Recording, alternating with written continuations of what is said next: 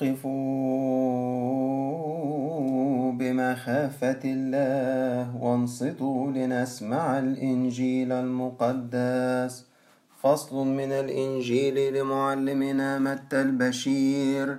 بركته على جميعنا من مزامير أبينا داود النبي.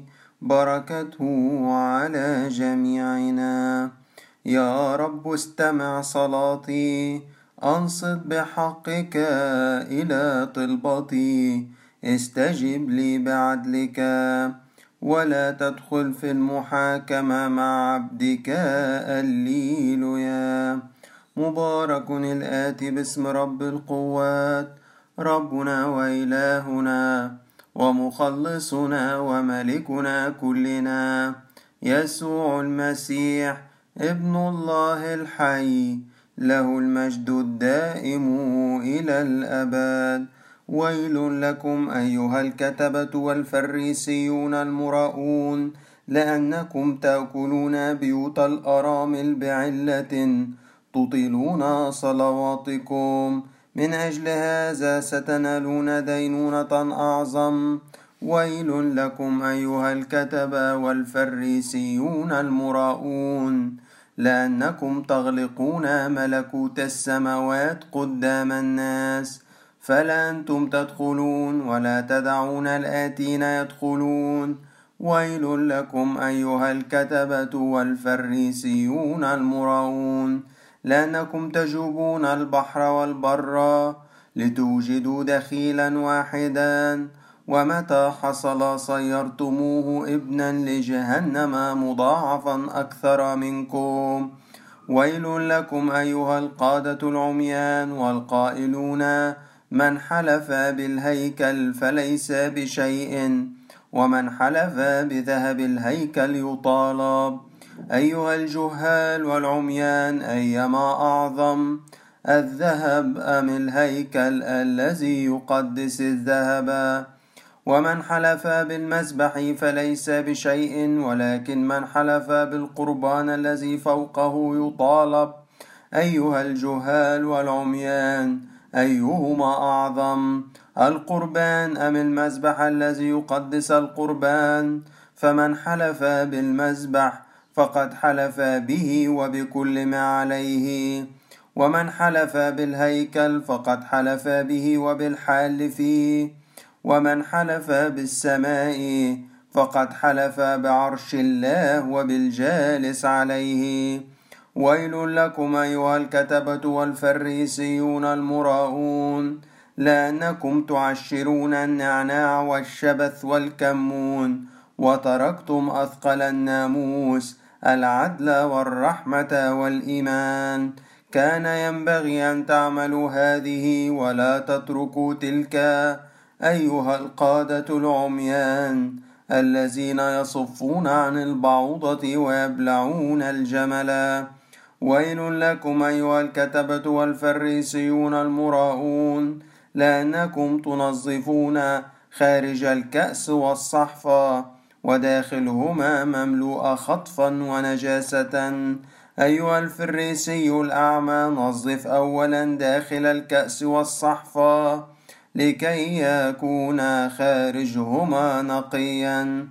ويل لكم أيها الكتبة والفريسيون المراؤون لأنكم تشبهون قبورا مكلسة يظهر خارجها جميلا أما داخلها فمملوء عظام أموات وكل نجاسة.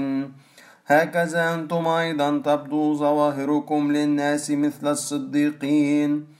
وبواطنكم مملوءة رياء وكل إثم. ويل لكم أيها الكتبة والفريسيون المراؤون لأنكم تبنون قبور الأنبياء وتزينون مدافن الأبرار. وتقولون لو كنا في أيام آبائنا لما شركناهم في دم الأنبياء فأنتم تشهدون على أنفسكم أنكم بنو قتلة الأنبياء. فكملوا أنتم أيضا مكيال آبائكم. أيها الحيات أولاد الأفاعي كيف تهربون من دينونة جهنم؟ من أجل هذا ها أنا أرسل إليكم أنبياء وحكماء وكتبة. فمنهم من تقتلون وتصلبون ومنهم من تجلدون في مجامعكم وتطردون من مدينة إلى مدينة. لكي يأتي عليكم كل دم بار سفك على الأرض من دم هابيل الصديق إلى دم زكريا بن برشيا الذي قتلتموه بين الهيكل والمذبح. الحق أقول لكم إن هذه كلها تأتي على هذا الجيل. يا أورشليم يا أورشليم يا قاتلة الأنبياء وراجمة المرسلين إليها. كم مرة أردت أن أجمع بنيك؟ كما يجمع الطائر فراخه تحت جناحيه فلم تريدوا. ها أنا ذا أترك لكم بيتكم خرابا وإني أقول لكم إنكم من الآن لا ترونني. حتى تقولوا مبارك الآتي باسم الرب والمجد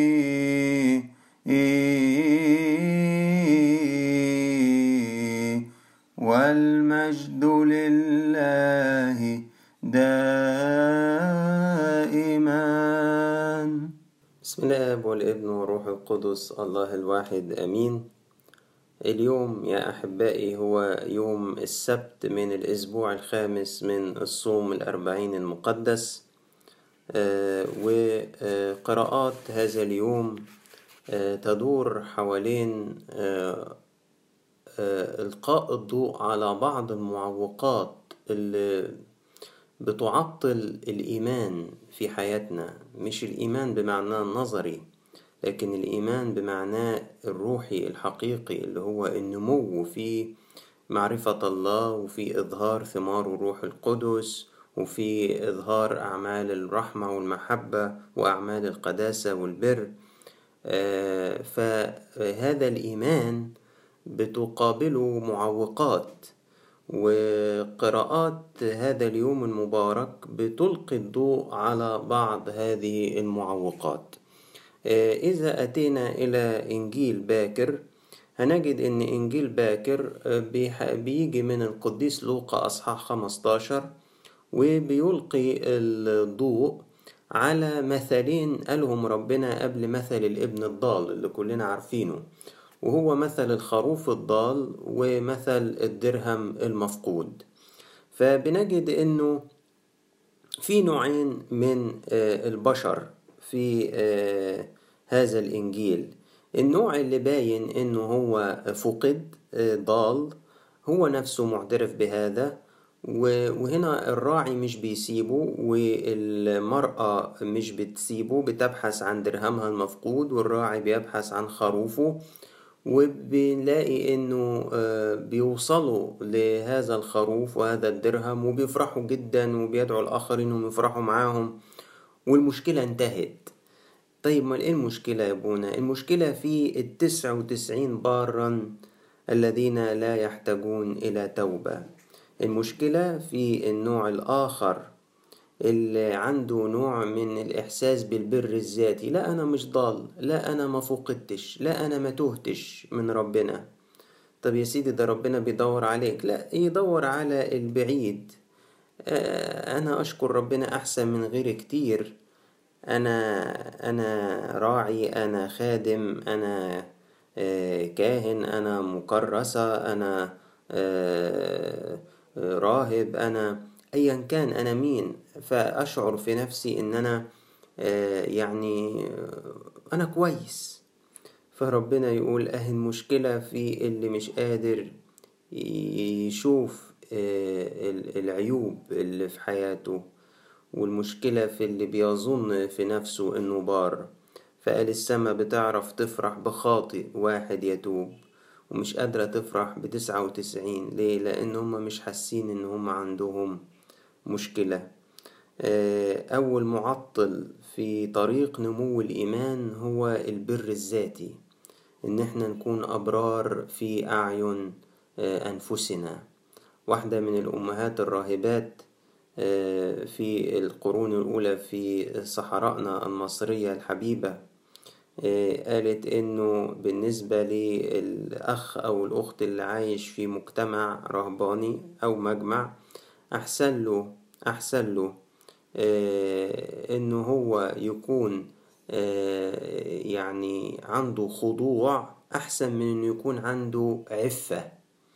وقالت لأن العفة أحيانا آه، يحارب الإنسان بسببها بالكبرياء إن هو أحسن من غيره. أنا ما بسقطش في خطايا زنا أنا ما بشوفش حاجات مش كويسة أنا أنا فأنا أحسن من غيري.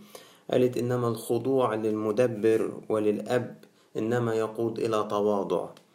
فمهم جدا إن إحنا نجحد البر الذاتي في حياتنا. في البولس من قراءات هذا اليوم نجد القديس بولس الرسول بيقول أنت قدامك سكتين.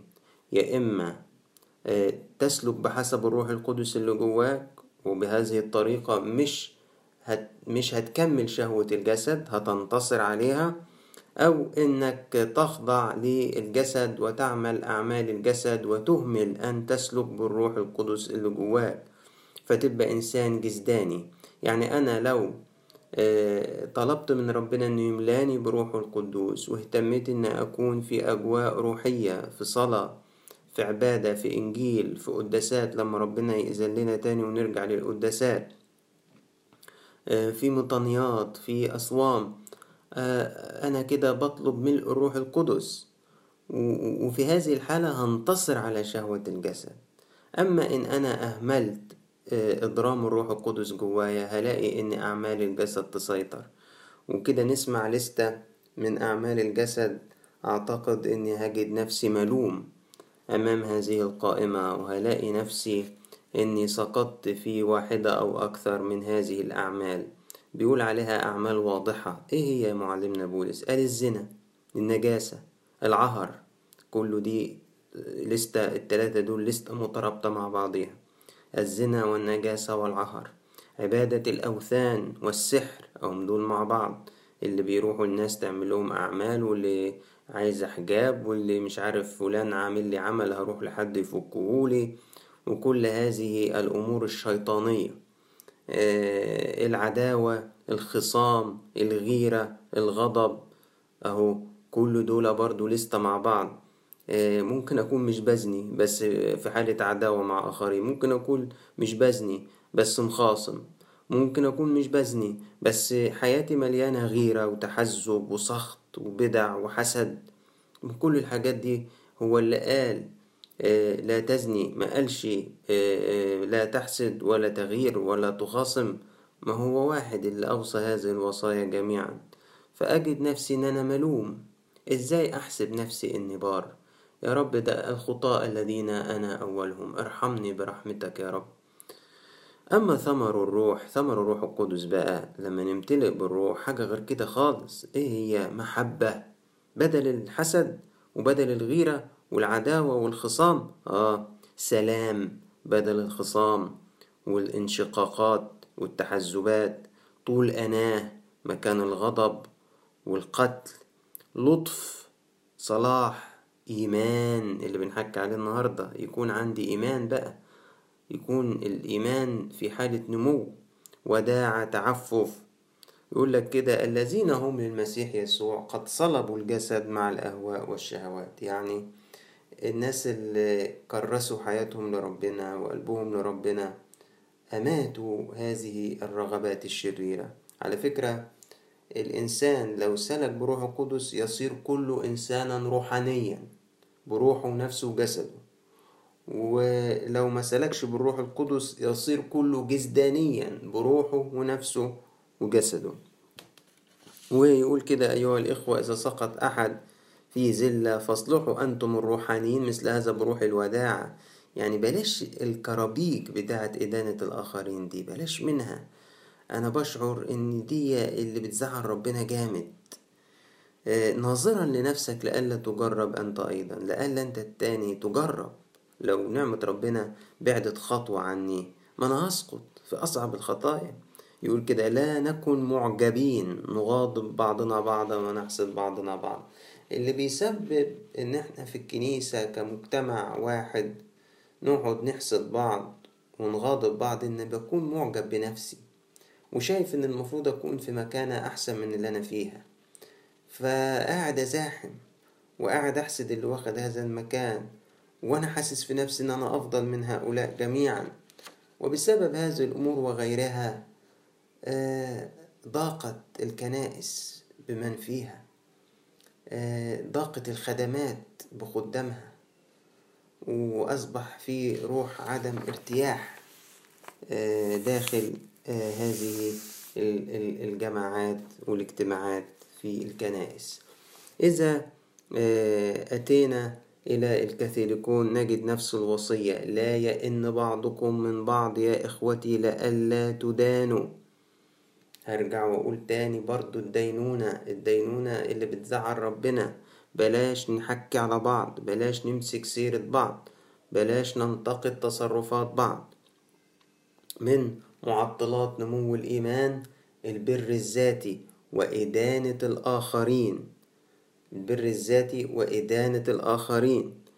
عشان تقدر تخلي حد عينيه تشوف لازم انت في الأول تكون بتشوف وده بيتحكلنا عليه الإبراكسيس بيحكي ال ال الإعلان الإلهي اللي ظهر للقديس بولس الرسول في طريقه إلى دمشق بيحكيه في ستة وعشرين للمرة التالتة. إزاي ظهر له المسيح وهو كان بيعمل أشياء مضادة كثيرة لاسم يسوع الناصري وكان فريسي يعني أعمى بحسب تقليد عبادته عاش فريسيا. و... ولما أبرق حوله النور العظيم في نصف النهار اللي كان أكثر من نور الشمس سقط على وجهه وسمع صوت بيقول له بالعبرانية شاول شاول لماذا تضطهدني؟ صعب عليك أن ترفس مناخس. فقال له أنت مين؟ أنت مين يا سيد؟ الله أنت مش عارفني. مش أنت بتقول أنا بعبد الله من زمان وبلا لوم بحسب الناموس و... طب ما أنا أنا أهيا الذي أهيا ما تعرفنيش. أنا هو من هو ما تعرفنيش. أنا الكائن أنا يسوع الذي أنت تضطهده. قال له إيه؟ قم وقف على رجليك لأني لهذا ظهرت لك لأنتخبك خادما وشاهدا بما رأيت. يعني لو ما كانش شاف ما كانش هيقدر يشهد. وبما سأتراءى لك فيه.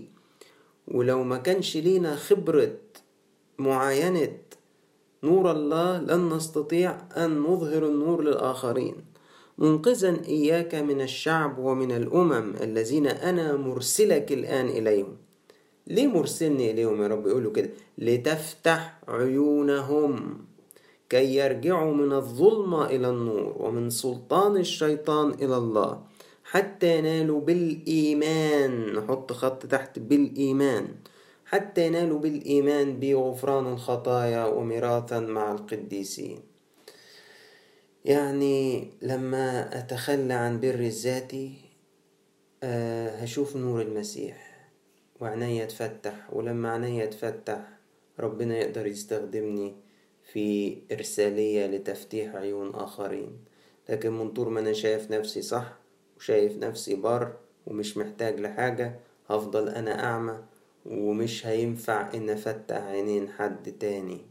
مش هقدر ومش هعرف كده. معطل كبير من معطلات نمو الإيمان في حياتنا البر الذاتي وإدانة الآخرين. لن يمكننا يا أحباء أن ننمو في الإيمان وأن تظهر فينا ثمار الروح وأن نعمل أعمال الروح. ما لم نجحد إعجابنا بأنفسنا. ما لم نجحد برنا الذاتي. ما لم نتوقف عن إدانة الآخرين. وإذا أتينا إلى إنجيل القداس نجد الإنجيل اللي بنخاف منه إنجيل الويلات. لما ربنا بينزل بالويلات على الكتبة والفريسيين. وكان في وصف دايما يقولوا لهم في كل آية بتتكرر. المراؤون. الرياء معطل لنمو الإيمان. البر الذاتي معطل لنمو الإيمان. إدانة الآخرين معطل لنمو الإيمان. في إنجيل القداس بيركز على الرياء. إن أنا من جوه حاجة وبأظهر أمور أخرى. أنا من جوه قلبي مملوء حسد وخصام ورياء ومذمة ومن بره بصدر إن أنا بخدم في الكنيسة. أنا من جوه مليان خصام وبروح أصلي قداس يعبر عن الشركة والوحدة.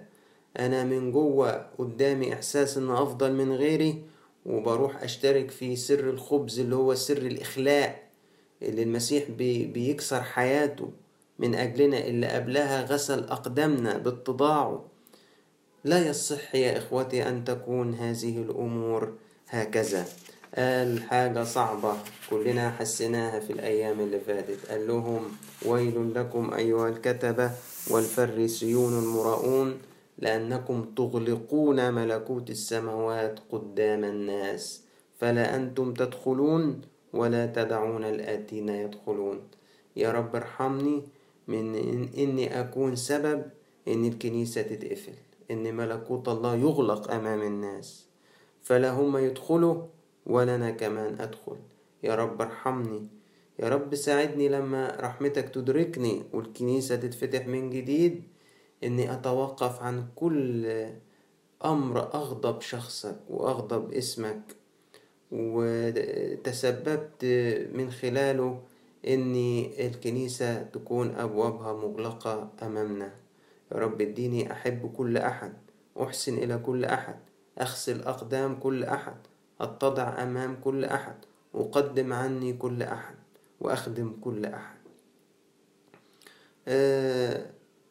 مهم جدا إن إحنا ندرك هذه المعطلات وإن إحنا نقدم عنها توبة. أوصاف ربنا زي ما وصفتهم إنهم مراؤون وصفهم بالجهلاء وبالعميان وهذه الأوصاف تؤكد قد إيه البر الذاتي بيعمي صاحبه. وعشان كده ربنا كانت عصايته شديدة معاهم لأن الشخص المتكبر الشخص اللي عنده بر ذاتي ما بينفعش غير إن ياخد كلمتين ناشفين من ربنا عشان يفوق ويصحى عشان يخترقوا الجدار السميك اللي هو عامله حوالين نفسه واللي من خلاله متهيأله إنه أفضل من غيره. مش عايزين نسمع من ربنا إنه كم مرة أردت ولم تريده.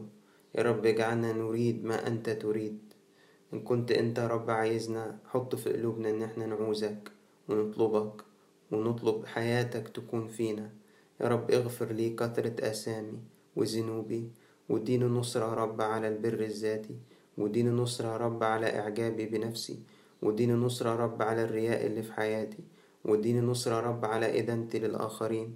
املاني يا رب من الروح القدس عشان أقدر بيها ألجم هذا الجسد وأصير إنسان روحاني بالحقيقة وتظهر فيا ثمار الروح. يا رب بارك آبائي بارك إخوتي بارك يا رب كل إنسان في مصر وخارج مصر وارفع يا رب عن العالم الوباء وقود العالم إلى معرفتك واظهر لينا نور معرفتك يا رب. لنستضيء بضياء إنجيل ملكوتك. وافتح أبواب كنيستك أمامنا لندخلها بمحبة واتضاع يا إلهنا الصالح. يا رب بارك يا رب كل إنسان في هذه الأيام بيسعى ناحية الآخرين بأي طريقة.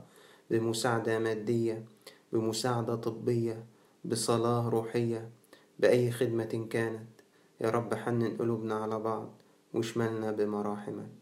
لإلهنا كل مجد وكرامة في كنيسته إلى الأبد. آمين.